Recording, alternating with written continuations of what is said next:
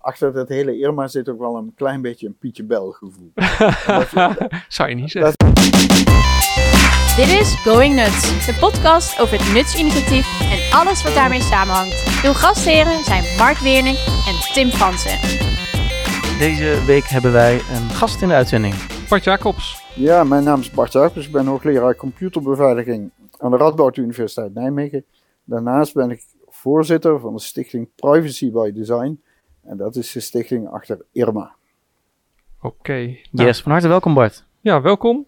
Ehm, Ja. We hebben je natuurlijk uitgenodigd omdat er een eh, relatie is tussen Irma en Nuts. Mhm.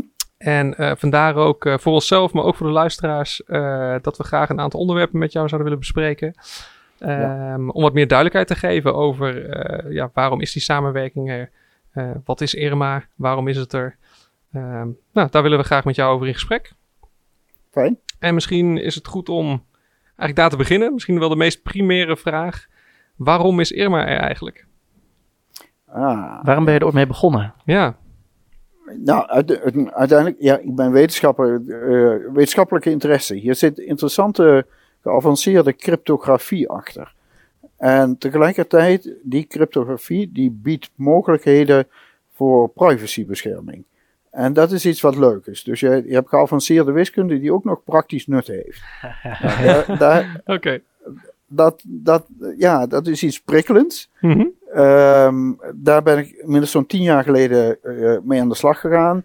Met een aantal eh, medewerkers. We hebben een aantal projecten ermee gedaan. En gedacht van laten we de, de mogelijkheden van deze techniek nou eens eh, proberen eh, te verkennen. En te kijken hoe ver we die kunnen pushen. En misschien vanuit de universiteit dachten we gewoon eens wat prototypes maken. Kijken of we er echt mee aan de slag kunnen. Nou, dat is wat ik zei al tien jaar geleden begonnen. We hebben eh, eerst een implementatie daarvan gemaakt op een smartcard. De cryptografie hierachter is best geavanceerd. Mhm. Dat vereist veel rekenkracht. Dat was ook behoorlijk moeilijk om dat op een smartcard te krijgen. Daar heeft een promovendus heel lange tijd aan gewerkt. Ja, de Irma-kaart eh, was dat hè? Ja, dat was een Irma-kaart. En dat, is, dat hebben we ook zo gedaan, omdat wij ja, echt uit die security-wereld eh, komen. En je hebt voor, voor het gebruik van Irma, om te bewijzen eh, wie je bent of wat voor eigenschappen je hebt, wat, wat voor attributen, hè, de, je, je, je Mhm. man boven de 18, weet ik wat, allemaal dat soort dingen. Daar komen we zo denk ik nog wel op.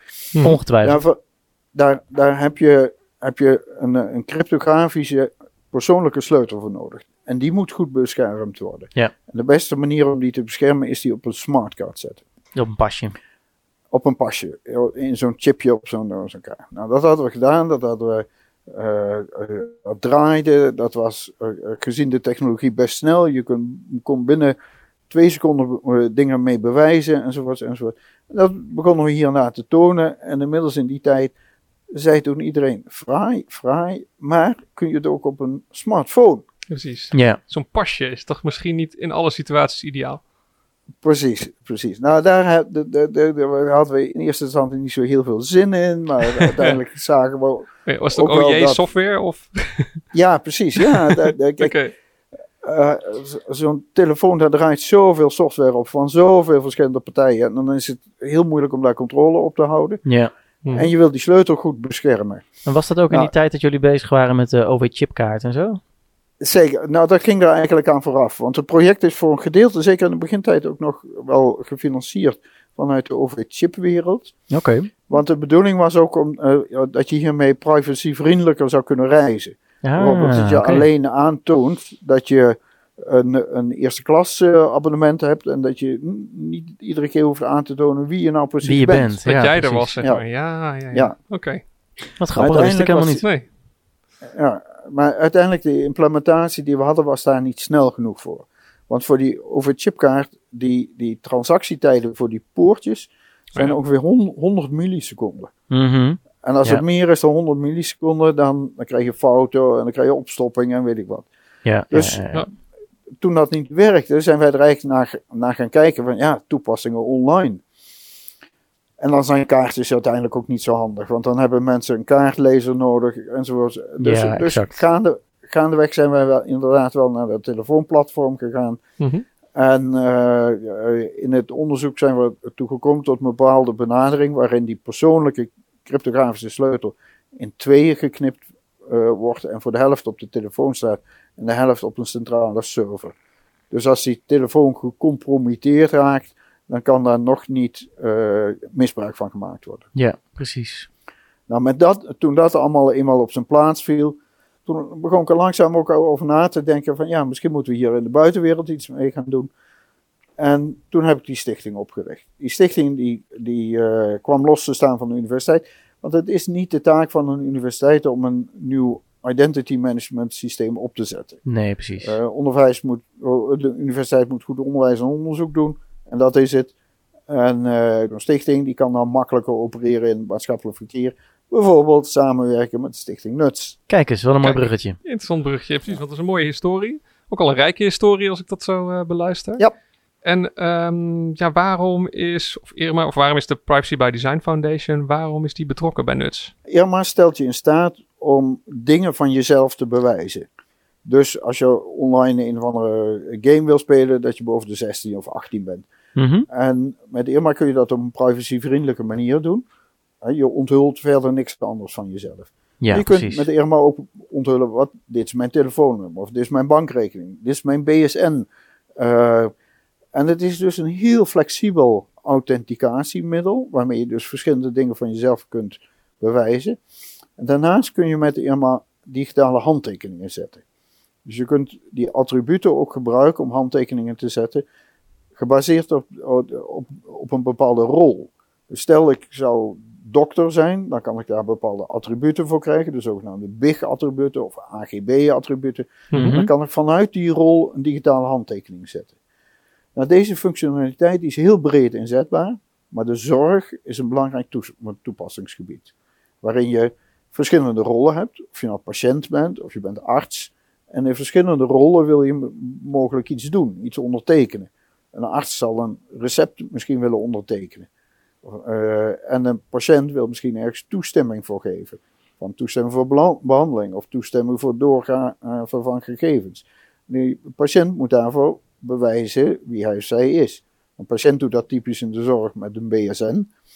Nou, dat is ook inmiddels in Irma opgenomen. Dus er waren allerlei raakvlakken die het mogelijk maakten om Irma in een, in een bredere context als nuts, bijzonder in de zorg, of meer algemeen in de zorg toe te passen. Ja, ja, ja. En de aansluiting met nuts, die werkte de, dan in bijzonder goed. Omdat die nuts uh, probeert een open infrastructuur op te zetten, dat met open source te doen. Maar Irma is ook helemaal open source. Dus de, de achterliggende gedachtegoed sloot ook gewoon heel erg goed op elkaar aan. Ja, het past ook filosofisch goed. Als je zo, mijn collega's bij filosofie hier op de universiteit zullen dat misschien niet direct filosofisch willen noemen. Maar, uh, maar ik, ja. uh, ik, snap wat je bedoelt. Op basis ja. van uitgangspunten. Ja, ja. ja. ja. Oké. Okay. En als je het hebt over uh, handtekeningen zetten, dan hebben we het ook over handtekeningen die je vervolgens cryptografisch kunt bewijzen. En dat is natuurlijk ook wat Irma heel krachtig maakt. Dat het, Ja, uh, dat- want je kunt met DigiD bijvoorbeeld kun je ook een handtekening zetten. Als ik mijn belastingaangifte doe, Mhm. dan onderteken ik die op, uh, op een bepaalde manier met, met DigiD. Uh, maar dat heeft toch een andere waarde. Nou, dat is eigenlijk bedrog. Uh, want die, uh, bij belastingaangifte in het begin moet je inloggen met DigiD. Ja, Dan juist. halen ze jouw gegevens tevoorschijn. Aan het eind zeggen ze nog een keer onderteken. Dat is gewoon een herauthenticatie. Ja, je logt nog een keer in. Ja, Ja, oké. en er is geen, Dat is een hele andere er flow. geen, dat is een hele andere flow. En het geeft ook hele andere garanties. Het enige wat er dan geregistreerd wordt in de systemen van de Belastingdienst is, bij deze gegevens heeft een persoon nog een keer ingelogd. Ja, exact. Bij een het is geen bewijs, zeg maar, het is, geen, het is geen bewijs. Bij een digitale handtekening wordt er over die gegevens, dat is een beetje technisch, een hash Hmm. berekend, die wordt meegenomen in die handtekening. En als er in die gegevens ook maar één bitje verandert, dan is je handtekening niet meer geldig. En dat kan door iedereen gecontroleerd worden. Ja, juist. En dat maakt het denk ik ook heel krachtig voor wat wij er met, eh, met Nuts mee willen gaan doen. Dat, dat denk ik ook nog even blijven in, die in de, de voorbeeld van de Belastingdienst. Als een systeembeheerder bij de Belastingdienst kwaad wil en iets in mijn belastingaangifte verandert, dan is het niet zo dat die zogenaamde belasting, eh, de- de- die, zogenaamde handtekening van de Belastingdienst in één keer ongeldig wordt. Nee, exact. Hmm. Hè, want er zit Dus dat is ook niet te traceren dus. Het- nou, ja, het hangt er vanaf hoe zo'n logs georganiseerd hebben. Maar als zo iemand die logs vervolgens verwijdert of aanpast, is dat gewoon niet te controleren. Nee, exact. En in situaties waar je gewoon zekerheid wil hebben, waar dingen geoordeeld moeten kunnen worden. eh, Waar het om hele je- belangrijke gegevens gaat misschien wel. Belangrijke zeker, persoonsgegevens. ook, zeker ook en belangrijke beslissingen. Kijk, als er een medische fout gemaakt wordt doordat er ve- eh, verkeerde medicijnen toe- voorgeschreven worden aan een bepaalde patiënt, wil je dat ook kunnen reconstrueren van waar is nou dat precies fout gegaan. En dan wil je met En, een hele eh, grote zekerheid en een hele grote betrouwbaarheid ook kunnen traceren wie die toestemming dan heeft gegeven. Of die, eh, die medicijnen dan Ja, heeft uiteindelijk. voorgeschreven. Ja. Exact. En als er halverwege in het proces in dat, in dat recept toevallig ergens een beetje verandert, dan wil je dat die, al die software daaromheen dat ook Ja, automatisch ja, kan detecteren. ja, dat die dus gewoon meteen afgekeurd wordt. Precies, ja. ja. Dus digitale handtekeningen hebben ongelooflijk veel voordelen. In allerlei sectoren, maar in het bijzonder in de zorg. Ja, wij zitten natuurlijk voor Nuts heel erg te kijken naar eh, dingen zoals eh, toestemmingen regelen om bij data te mogen. En Ja. ook voor dat soort zaken wil je inderdaad een, een handtekening hebben die eh, niet falsificeerbaar is. En die ook direct wordt afgekeurd op het moment dat er iets veranderd is stiekem aan die toestemming door iemand die niet die persoon was. Nou, dat is precies zo'n situatie. Ja. En je ziet dat dat eh, nog steeds heel informeel gaat in de zorg. Want vaak, je zit bij eh, een dokter bijvoorbeeld in het ziekenhuis en die dokter vraagt dan even, mag ik bij die en die gegevens? De patiënt zegt ja en die dokter klinkt, klikt een vinkje aan van patiënt heeft ja gezegd. Maar ja, dat heeft die dokter dan Ja. maar gedaan. Wat zegt dat nou eigenlijk dan in dat ja, systeem? wat zegt hè? dat nou Ja. eigenlijk? Kijk, Ja. die dokter kan dat vinkje ook aanzetten zonder het die patiënt te vragen. Het is meer de beroepseer die Ja. die, die, die arts er eh, hè, beroepsethiek, om, dat, eh, om dat misschien eh, wel of niet te doen. Maar je wil dit gewoon beter vastleggen, ook dat het beter geoordeeld kan worden. Maar met name ook dat eventuele fouten onderweg automatisch gedetecteerd worden. Ja, oké. Ja, en hier raak je nog wel een interessant punt inderdaad. Want ik heb het idee dat we heel vaak horen met elkaar dat dat dus niet kan. Of dat dat dan heel ingewikkeld is. eh, of dat dat allemaal technisch niet mogelijk is. En ehm, eigenlijk zeg jij dat kan eigenlijk gewoon wel. Dit kan wel. Natuurlijk eh, ehm, moet je daar goede interfaces omheen bouwen. Eh, als er een foutmelding komt, dat die op een begrijpelijke wijze aan mensen ge- eh, ge- gepresenteerd wordt. Dus het is nog wel een uitdaging om dat echt te integreren op een wijze, eh, een manier dat mensen er ook goed mee om kunnen gaan. Maar technisch kan het, ja. Wij hebben natuurlijk nu gezien dat je eh, via de gemeente eigenlijk een IRMA-attribuut kan ophalen. Of meerdere IRMA-attributen eh, uit de BRP. Dus uit de basisregistratie personen. Ehm, kan je ons daar even over bijpraten? Wat is daar nu gaande? Wat gebeurt er in gemeenteland? Precies. Ja, dat is een heel traject. En eh, wat leuk is daarbij, dat de gemeente Nijmegen, waar ik zelf eh, woon, hier een voortrekkersrol in heeft eh, vervuld. Mhm. Want eh, gemeente Nijmegen heeft ongeveer, nou meer dan een half jaar geleden, die koppeling publiek gemaakt tussen Irma en de BRP. Mhm. En ze hebben dat zodanig gedaan dat iedereen in Nederland dat kan gebruiken. Daarmee kan, kun je het volgende doen. Je kunt bij de gemeente Nijmegen inloggen met DigiD. Dan zoekt de gemeente dingen van jou op in de BRP. Zo'n twintigtal attributen. Wat is je, je achternaam, wat zijn je voornamen, wat is je adres, je huisnummer, de, de postcode. Wat is je BSN, ben je boven de 18, wat is je geboortedatum, allemaal van dat soort dingen. En die worden in de IRMA-app bij de gebruiker op de telefoon gezet. Ja. En die gebruiker kan daar vervolgens allerlei andere dingen mee doen. Nou, dat de gemeente dit, dit deed, heeft nogal wat stof doen opwaaien. Met name bij, bij het ministerie van Binnenlandse Zaken. Want dat hadden ze nog nooit eh, eh, eh, gezien en gedacht. Dat een, een gemeente in één keer zo'n zo'n cruciale rol ging spelen op identiteitsgebied. Want Binnenlandse Zaken heeft ook een beetje het idee dat moeten wij allemaal doen. Oh, Oké, Ja. dus even de vraag, wie zijn rol is dit eigenlijk om dit te organiseren, wie bedoel zijn- je? Ja, wie, ja. wie- zijn rol is, de, is dit eigenlijk? Ah, nou, oké. en tegelijkertijd waren er een, een, een boel andere gemeenten die zeiden van ja, ja, dit is allemaal wel leuk, maar toch eigenlijk een beetje raar dat Nijmegen dit voor heel Nederland doet. Wij willen dat ook eigenlijk voor onze eigen ge- eh, eh, burgers gaan doen. Ja, Ja, precies. uiteraard. Dat is even een mooie aanvulling inderdaad. Want het maakt dus niet uit waar je woont in Nederland. Je kan altijd via Nee. de gemeente Nijmegen je IRMA-attributen ophalen. Maar dat is de huidige situatie. Nou Precies. zijn er een stuk of 40 à 50 gemeenten die hebben de koppen bij elkaar gestoken. Die hebben gezegd, wij vinden Irma interessant systeem, we willen daar meewerken. Wij willen dat gezamenlijk als gemeente gaan uitgeven. Zodat de burger dat in de app kan staan, uh, krijgt te staan waar niet onder staat uitgegeven door gemeente Nijmegen, maar uitgegeven door gemeenten. Ja, ja de Nederlandse gemeenten. Ja, ze noemen dat white labelen. Hè? Dus dan, dan, dan, dan, dan wordt het algemene. Nou, dat, daar uh, is overleg voor geweest. Je kunt je wel voorstellen, dat, uh, daar moest nog even over gesproken worden. En hoe gaan we dat doen? Gaat iedere gemeente dat nou zelf doen? Nou, daar is uh, werkwijze afgesproken. Dus gemeenten doen dat gezamenlijk, onder een gezamenlijk kopje. Maar omdat Nijmegen dat inmiddels goed kon, en wisten hoe ze dat moesten doen, is gezegd, nou laat Nijmegen het, het werk maar doen. Ja, de functioneel beheer, zeg maar. Ja, de software draait bij de gemeente Nijmegen, maar gemeente Nijmegen doet dit namens alle gemeenten. Oké, op dit moment al? Nee, dat gaat... Oké, dat speelt. Uh, dat speelt nu en ik, okay. ik verwacht dat dat voor de zomer operationeel is. Oké. Oh, dat is best wel snel ook. Mooi, ja. ja. Goed nieuws. Ja, en daar, daarmee krijgt het ook meer betrouwbaarheid. Omdat er ja. meer gemeenten zich achterstellen. Ik bedoel niet zozeer betrouwbaarheid in de zin van dat het vaak uit zou vallen, maar dat het breed ondersteund wordt en dat Precies. het over twee, drie, vier, vijf enzovoort jaren nog bestaat. Dat Ja, het gewoon ja, onderdeel is van Duurzaam beschikbaar. Nederland. Ja. Duurzaam beschikbaar, waar de andere partijen, met name dus in de zorg, hierop voort kunnen bouwen.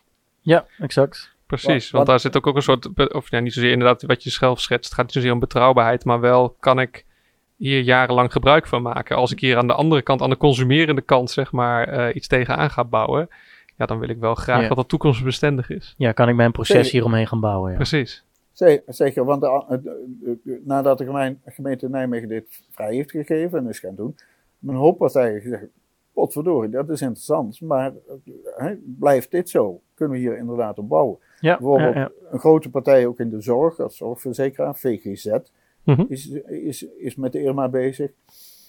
Die zijn in eerste instantie nu met wat kleinere experimenten aan het beginnen. Maar die zeggen ook van, ja, we hebben 4 miljoen klanten. Eh, kunnen wij al onze 4 miljoen klanten langs de gemeente Nijmegen sturen om, om daar hun BHP-attributen op te Ja, dat wordt heel duur voor gemeente Nijmegen. Zeker. Nou, en, en, en dat wordt nou dus verdeeld onder gemeenten in Nederland. eh, waardoor dus echt, ja, dit, dit eh, duurzamer wordt. Heel mooi Mooi. initiatief. Ja, echt heel tof. Ja, dat is echt heel goed Ja, nieuws. ik, ik ben er ook bl- blij mee inderdaad, ja. Oké. En je Ga ziet je- dat dan ook de, Rijks, de Rijksoverheid nu ook eh, eh, zoiets begint te krijgen van, potverdomme, hier gebeurt iets. Ja, ja hier zijn En, dingen in beweging. Ja, hier zijn dingen in gebe- beweging, hier gebeurt iets van onderaf. En misschien moeten we hier iets meer bij betrokken raken. Ja, oké. want hoe, hoe gaat dat dan inderdaad? Want we weten dat eh, er op overheidsniveau ook van alles speelt op het gebied van digitale identiteit. Je had Ja, het net de- al even over binnenlandse zaken. Precies. Ja, de overheid zit nog erg vast aan het eigen middel DigiD. Mhm. De meeste Nederlanders zijn wel bekend met DigiD. Als je bij de overheid in, in wil loggen, moet dat met DigiD. Precies. Maar Eh, bedoel je daarmee dat ik straks eventueel ook met Irma zou kunnen inloggen bij de overheid? Ja. Zeg je dat kan eigenlijk niet? Oké, wel. Ja, dat gaat ook eh, ge- gebeuren. Er zijn verschillende gemeenten die dat willen gaan realiseren. En hierin is een andere gemeente, namelijk Haarlem, die daarmee voorop loopt. En ik verwacht eigenlijk dat het voor de zomer ook mogelijk zal zijn dat je als burger bij de gemeente Haarlem met de Irma in kunt loggen. Oké. Wat ik nog wel even interessant vind in de relatie Irma en DigiD is hoe je je attributen dan van de gemeente Nijmegen krijgt initieel. Ja, daar Eh, heb je wel DigiD voor nodig. Ja, precies. En je logt eerst wel in met DigiD. Is dat DigiD hoog of middel? Of, ehm, Voor die inlog bij de gemeente wordt DigiD midden gebruikt. En, en DigiD midden wil zeggen loginnaam, eh, wachtwoord en sms. ja, precies. En daarvan heeft de autoriteit persoonsgegevens gezegd dat is eigenlijk onvoldoende voor de zorg. Maar Ja. voorlopig tolereren we het. Want we hebben geen beter Er is geen alternatief. Precies. Ja. En we willen niet remmend zijn dus in de sector. Dus we accepteren dat het nu zo werkt. Maar wat er tegelijkertijd gebeurt, en dat is ook weer een andere eh, interessante ontwikkeling, wat voortkomt uit ehm, de gemeente ook weer, die zeggen, nou ja, de, die Irma-attributen zijn beschikbaar via eh DigiD online, mensen kunnen dat ophalen. Ehm, een boel mensen kunnen dat makkelijk, maar er is ook altijd een, een, eh, gebruikersgroep die een beetje hulp nodig heeft. Mhm. De gemeenten willen daar ook voor openstaan, daar ook eh, voor zorgen. En er zijn nu initiatieven dat je ook Irma via de balie kunt krijgen. Ja, precies. Of via een zuil. Dus dan ga ik naar mijn gemeentegebouw toe en dan Ja. vraag ik om mijn Irma-attributen en dan helpt men Ja. mij. Dan we, daarmee. is er iemand, een persoon die mij gaat helpen om dat Ja. in te laden op mijn telefoon?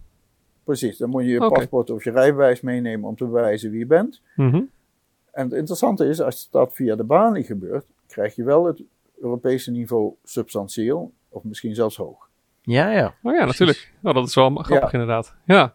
Ja. En dan... eh, Want eigenlijk, En ik, dan- ik, ik leg het zelf ook altijd maar zo uit hoor, Bart. Als we vragen krijgen, wat is het nou precies? Ik, ik heb zelf altijd het idee dat, als je het zou vergelijken met een paspoort bijvoorbeeld, dat Irma is eigenlijk dat fysieke ding.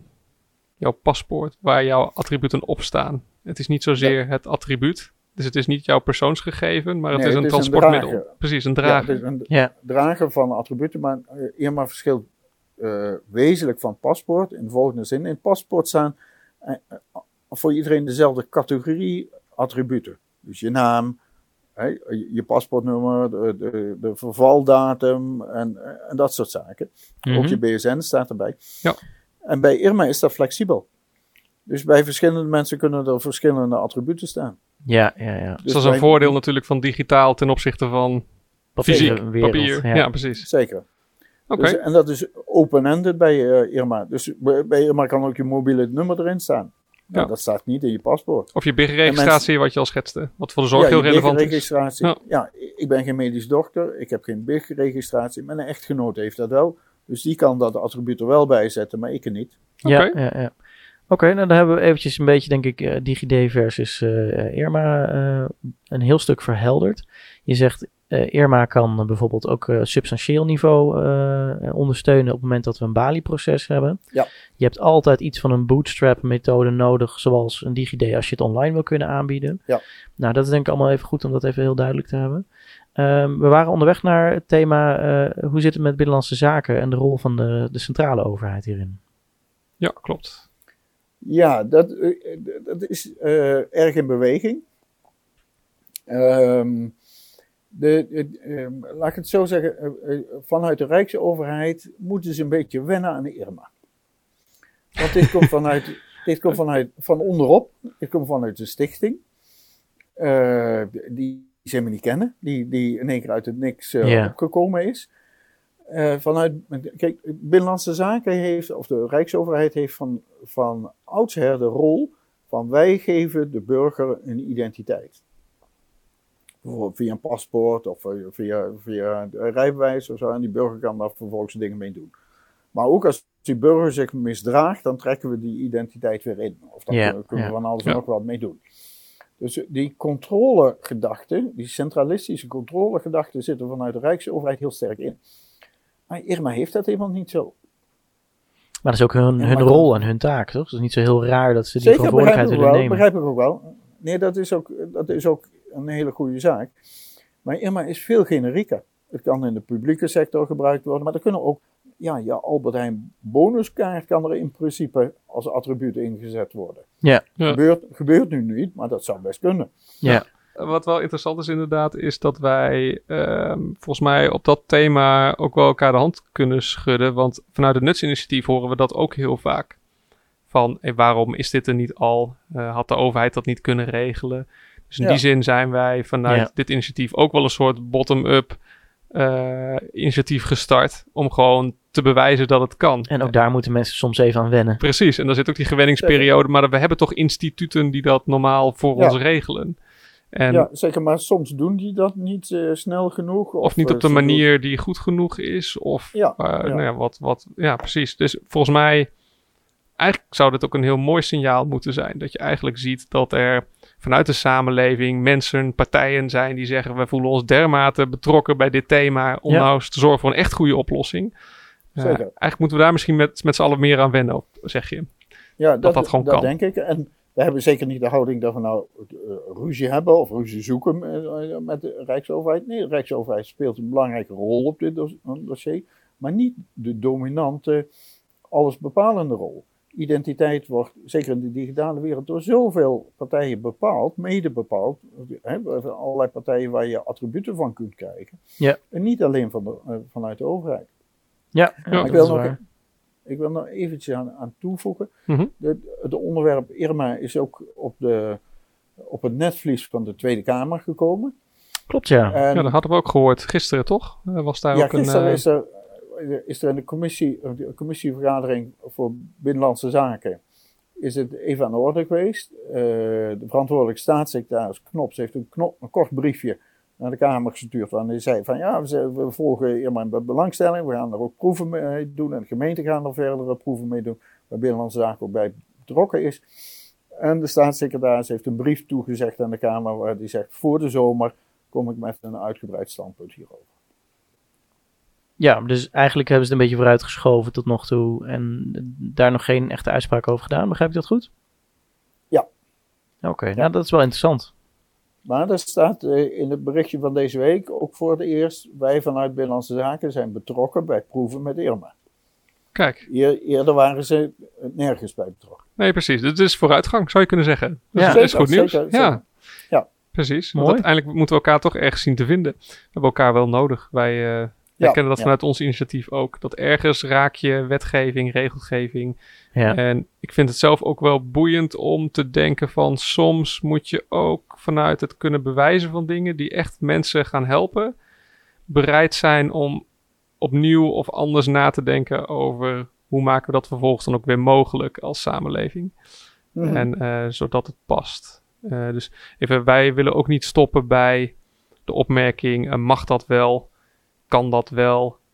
Eh, maar laten we gewoon eens kijken, als, als dit de ideale oplossing is voor een bepaald probleem en we kunnen bewijzen dat het werkt, ja. Hoe gaan we dat dan ook juridisch mogelijk maken? precies, Ja. zou dat niet de uitdaging ja. moeten zijn? Dat is Ja. eigenlijk veel spannender en veel leuker. En dan komen we volgens mij als land ook veel verder mee. We zaten met Ron Roosendaal. En, Ja, die ken ik eh, goed, Die ken je Ja. goed, ja, dat zei hij al. Ja. En, en Ja. wij waren gewoon zelf even gewoon vanuit pure interesse hoor. Van, want hij riep op een gegeven Ja. moment zoiets van: eh, het, je mag niet het BSN via Irma laten lopen. Toch? Zoiets zei hij toch, Tim? Er is een wettelijke verplichting om een BSN te ontsluiten via DigiD. Zo zei hij Nee, het. dat is, ja, ik vind dat veel te rigide. Veel te rigide. En dit eh, blokkeert allerlei innovaties in de zorg. Eh, in, in, in DigiD eh, heeft een belangrijke, goede rol gespeeld in Nederland. Maar iedereen is het wel over eens, is end of life. En als je nou gaat afdwingen dat eh, toegang in de zorg alleen via DigiD kan, ja, dan blokkeer je heel veel eh, mooie, goede ontwikkelingen. Ja, ook veel innovatie eigenlijk. Dus dat zou betekenen dat we ook een politieke lobby nodig hebben om die wetgeving aangepast te krijgen. Ja, dat moet inderdaad aangepast worden. Maar weet je, eh, als het hele veld het gewoon anders gaat doen. het maar, eh, Ja, dat is wel grappig. Ja, ik moet daar heel hard om lachen. zo, zo, ja. zitten wij er ook in. Van, als we nou gewoon kunnen Ja. bewijzen dat het werkt. En mensen zijn er enthousiast over. En we kunnen aantonen Ja. dat het veilig is. En met behoud van privacy, et cetera. We dus Ja. voldoen aan alle spelregels, om het even zo te zeggen. laat, laat ze dan eh, officier van justitie Ja. maar inschakelen. Nou ja, precies. Ja, Oh, dat is maar komen. grappig. Zo zitten wij er net zo in. Ja, Alleen wij, ja, wij hebben dan ja. de, narigheid dat ze dat dan waarschijnlijk via even de, de, de zorgaanbieders spelen. Want dat moet natuurlijk. Dat kan niet via nuts. Ja. Maar goed, dat, dat, dan eh, moeten de leveranciers dat maar weer bekken. Ja, dat wordt een interessante dus een- strijd. Ja, inderdaad. Kijk, eh, achter dat hele Irma zit ook wel een klein beetje een Pietje Bel gevoel. Dat, Zou je niet zeggen. en dat vind ik eigenlijk zelf ook wel weer leuk. Ja, dat is mooi, Die toch? Die ligt, mij, die ligt mij zelf ook Ja, wel. ja. volgens mij ook wel. Ja. Leuk. nou ja, we heten ook niet voor niks nuts natuurlijk. Ja, die naam Ja, zou niet ja. uit de lucht komen vallen. Oké, ik denk dat wij nog één hele belangrijke eh, slotvraag voor jou hebben, Bart. Ja, even het bruggetje weer naar de zorg. Precies, even terug naar de zorg. Mark, wil jij hem even insteken? Ja, ehm, want dit is natuurlijk een uitdaging waar wij voor staan, omdat uiteindelijk gaan eh, zorgorganisaties ehm, gegevens uitwisselen met andere partijen. Doen ze nu ook al, maar wat ons betreft doen we dat via een, een decentrale infrastructuur. Waarbij we ook gebruik maken van eh, technologie, zoals bijvoorbeeld Irma.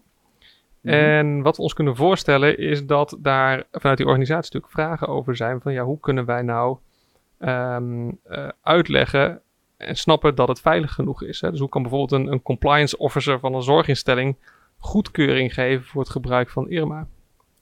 Ja. Wat heeft hij daarvoor nodig?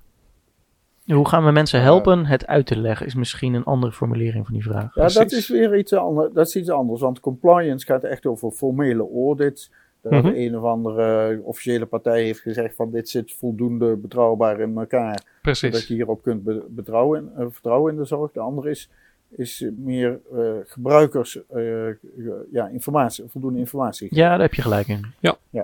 Weet je dat, eh, die auditrichting, dat eh, begint langzaam rond Irma van gang, op gang te komen.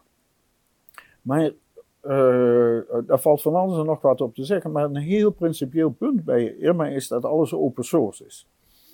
Dus als iemand vraagt hoe betrouwbaar is het, dan kan ik het formele antwoord geven en zeggen, kijk maar Kijk zelf maar. Ja, kijk zelf Kijk maar. zelf maar. Ja, controleer maar. Dat is wel een mooi antwoord eigenlijk. Hè? Ja. Ja. Ja, en, en natuurlijk in de praktijk doen weinig mensen eh, dat. En Mhm. is het wel zeker nuttig als er een aantal officiële deskundigen naar gekeken hebben en een rapportje eh, schrijven van dit zit goed in elkaar. Wij hebben het gecheckt alvast. Ja, niet iedereen spreekt code. Nee. Zeker, zeker nee, dat begrijpen we allemaal.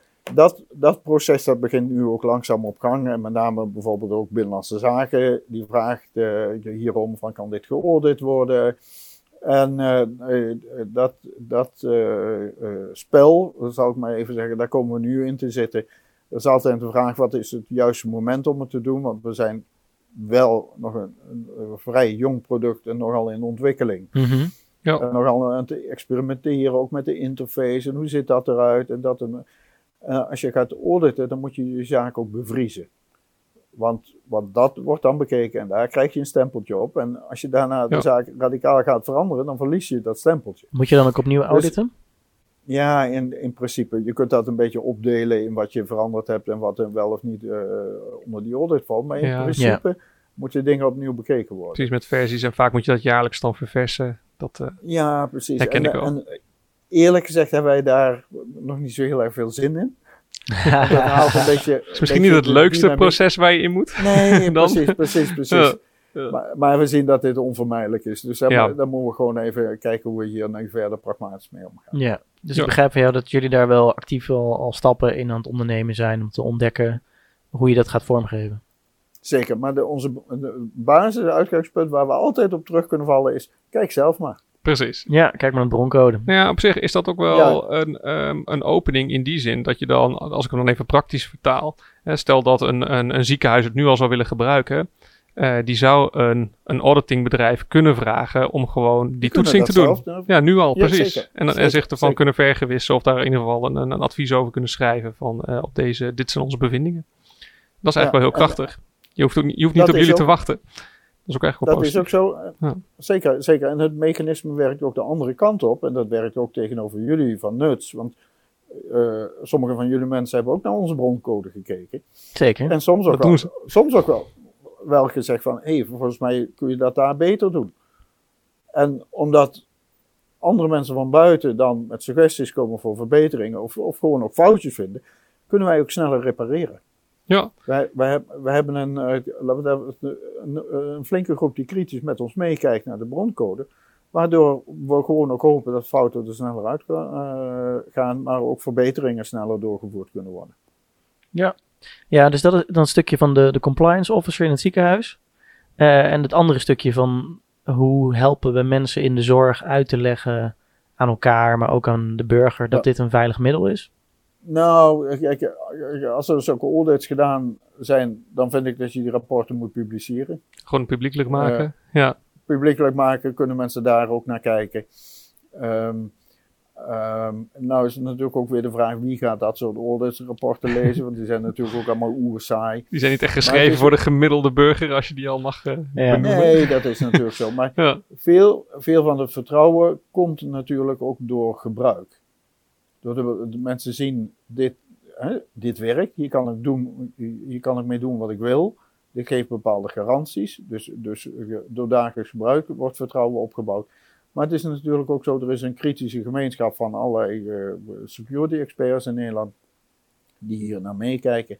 Ik weet zeker, als wij rare dingen doen, onverstandige dingen die onveilig zijn, dat er allerlei mensen in Nederland opstaan en zeggen van, dat moet je helemaal niet doen zo. Ehm, Bart, mogen we jou van harte bedanken voor dit interview. Graag gedaan. Heel fijn dat je in onze podcast wilde zijn. En eh, dan eh, zeggen wij tegen onze luisteraars eh, tot de volgende keer. En eh, go nuts! go nuts. Dit was Going Nuts. Wil je bijdragen aan deze podcast? Stuur dan een mailtje naar podcast apenstaartje nuts.nl. Tot de volgende keer.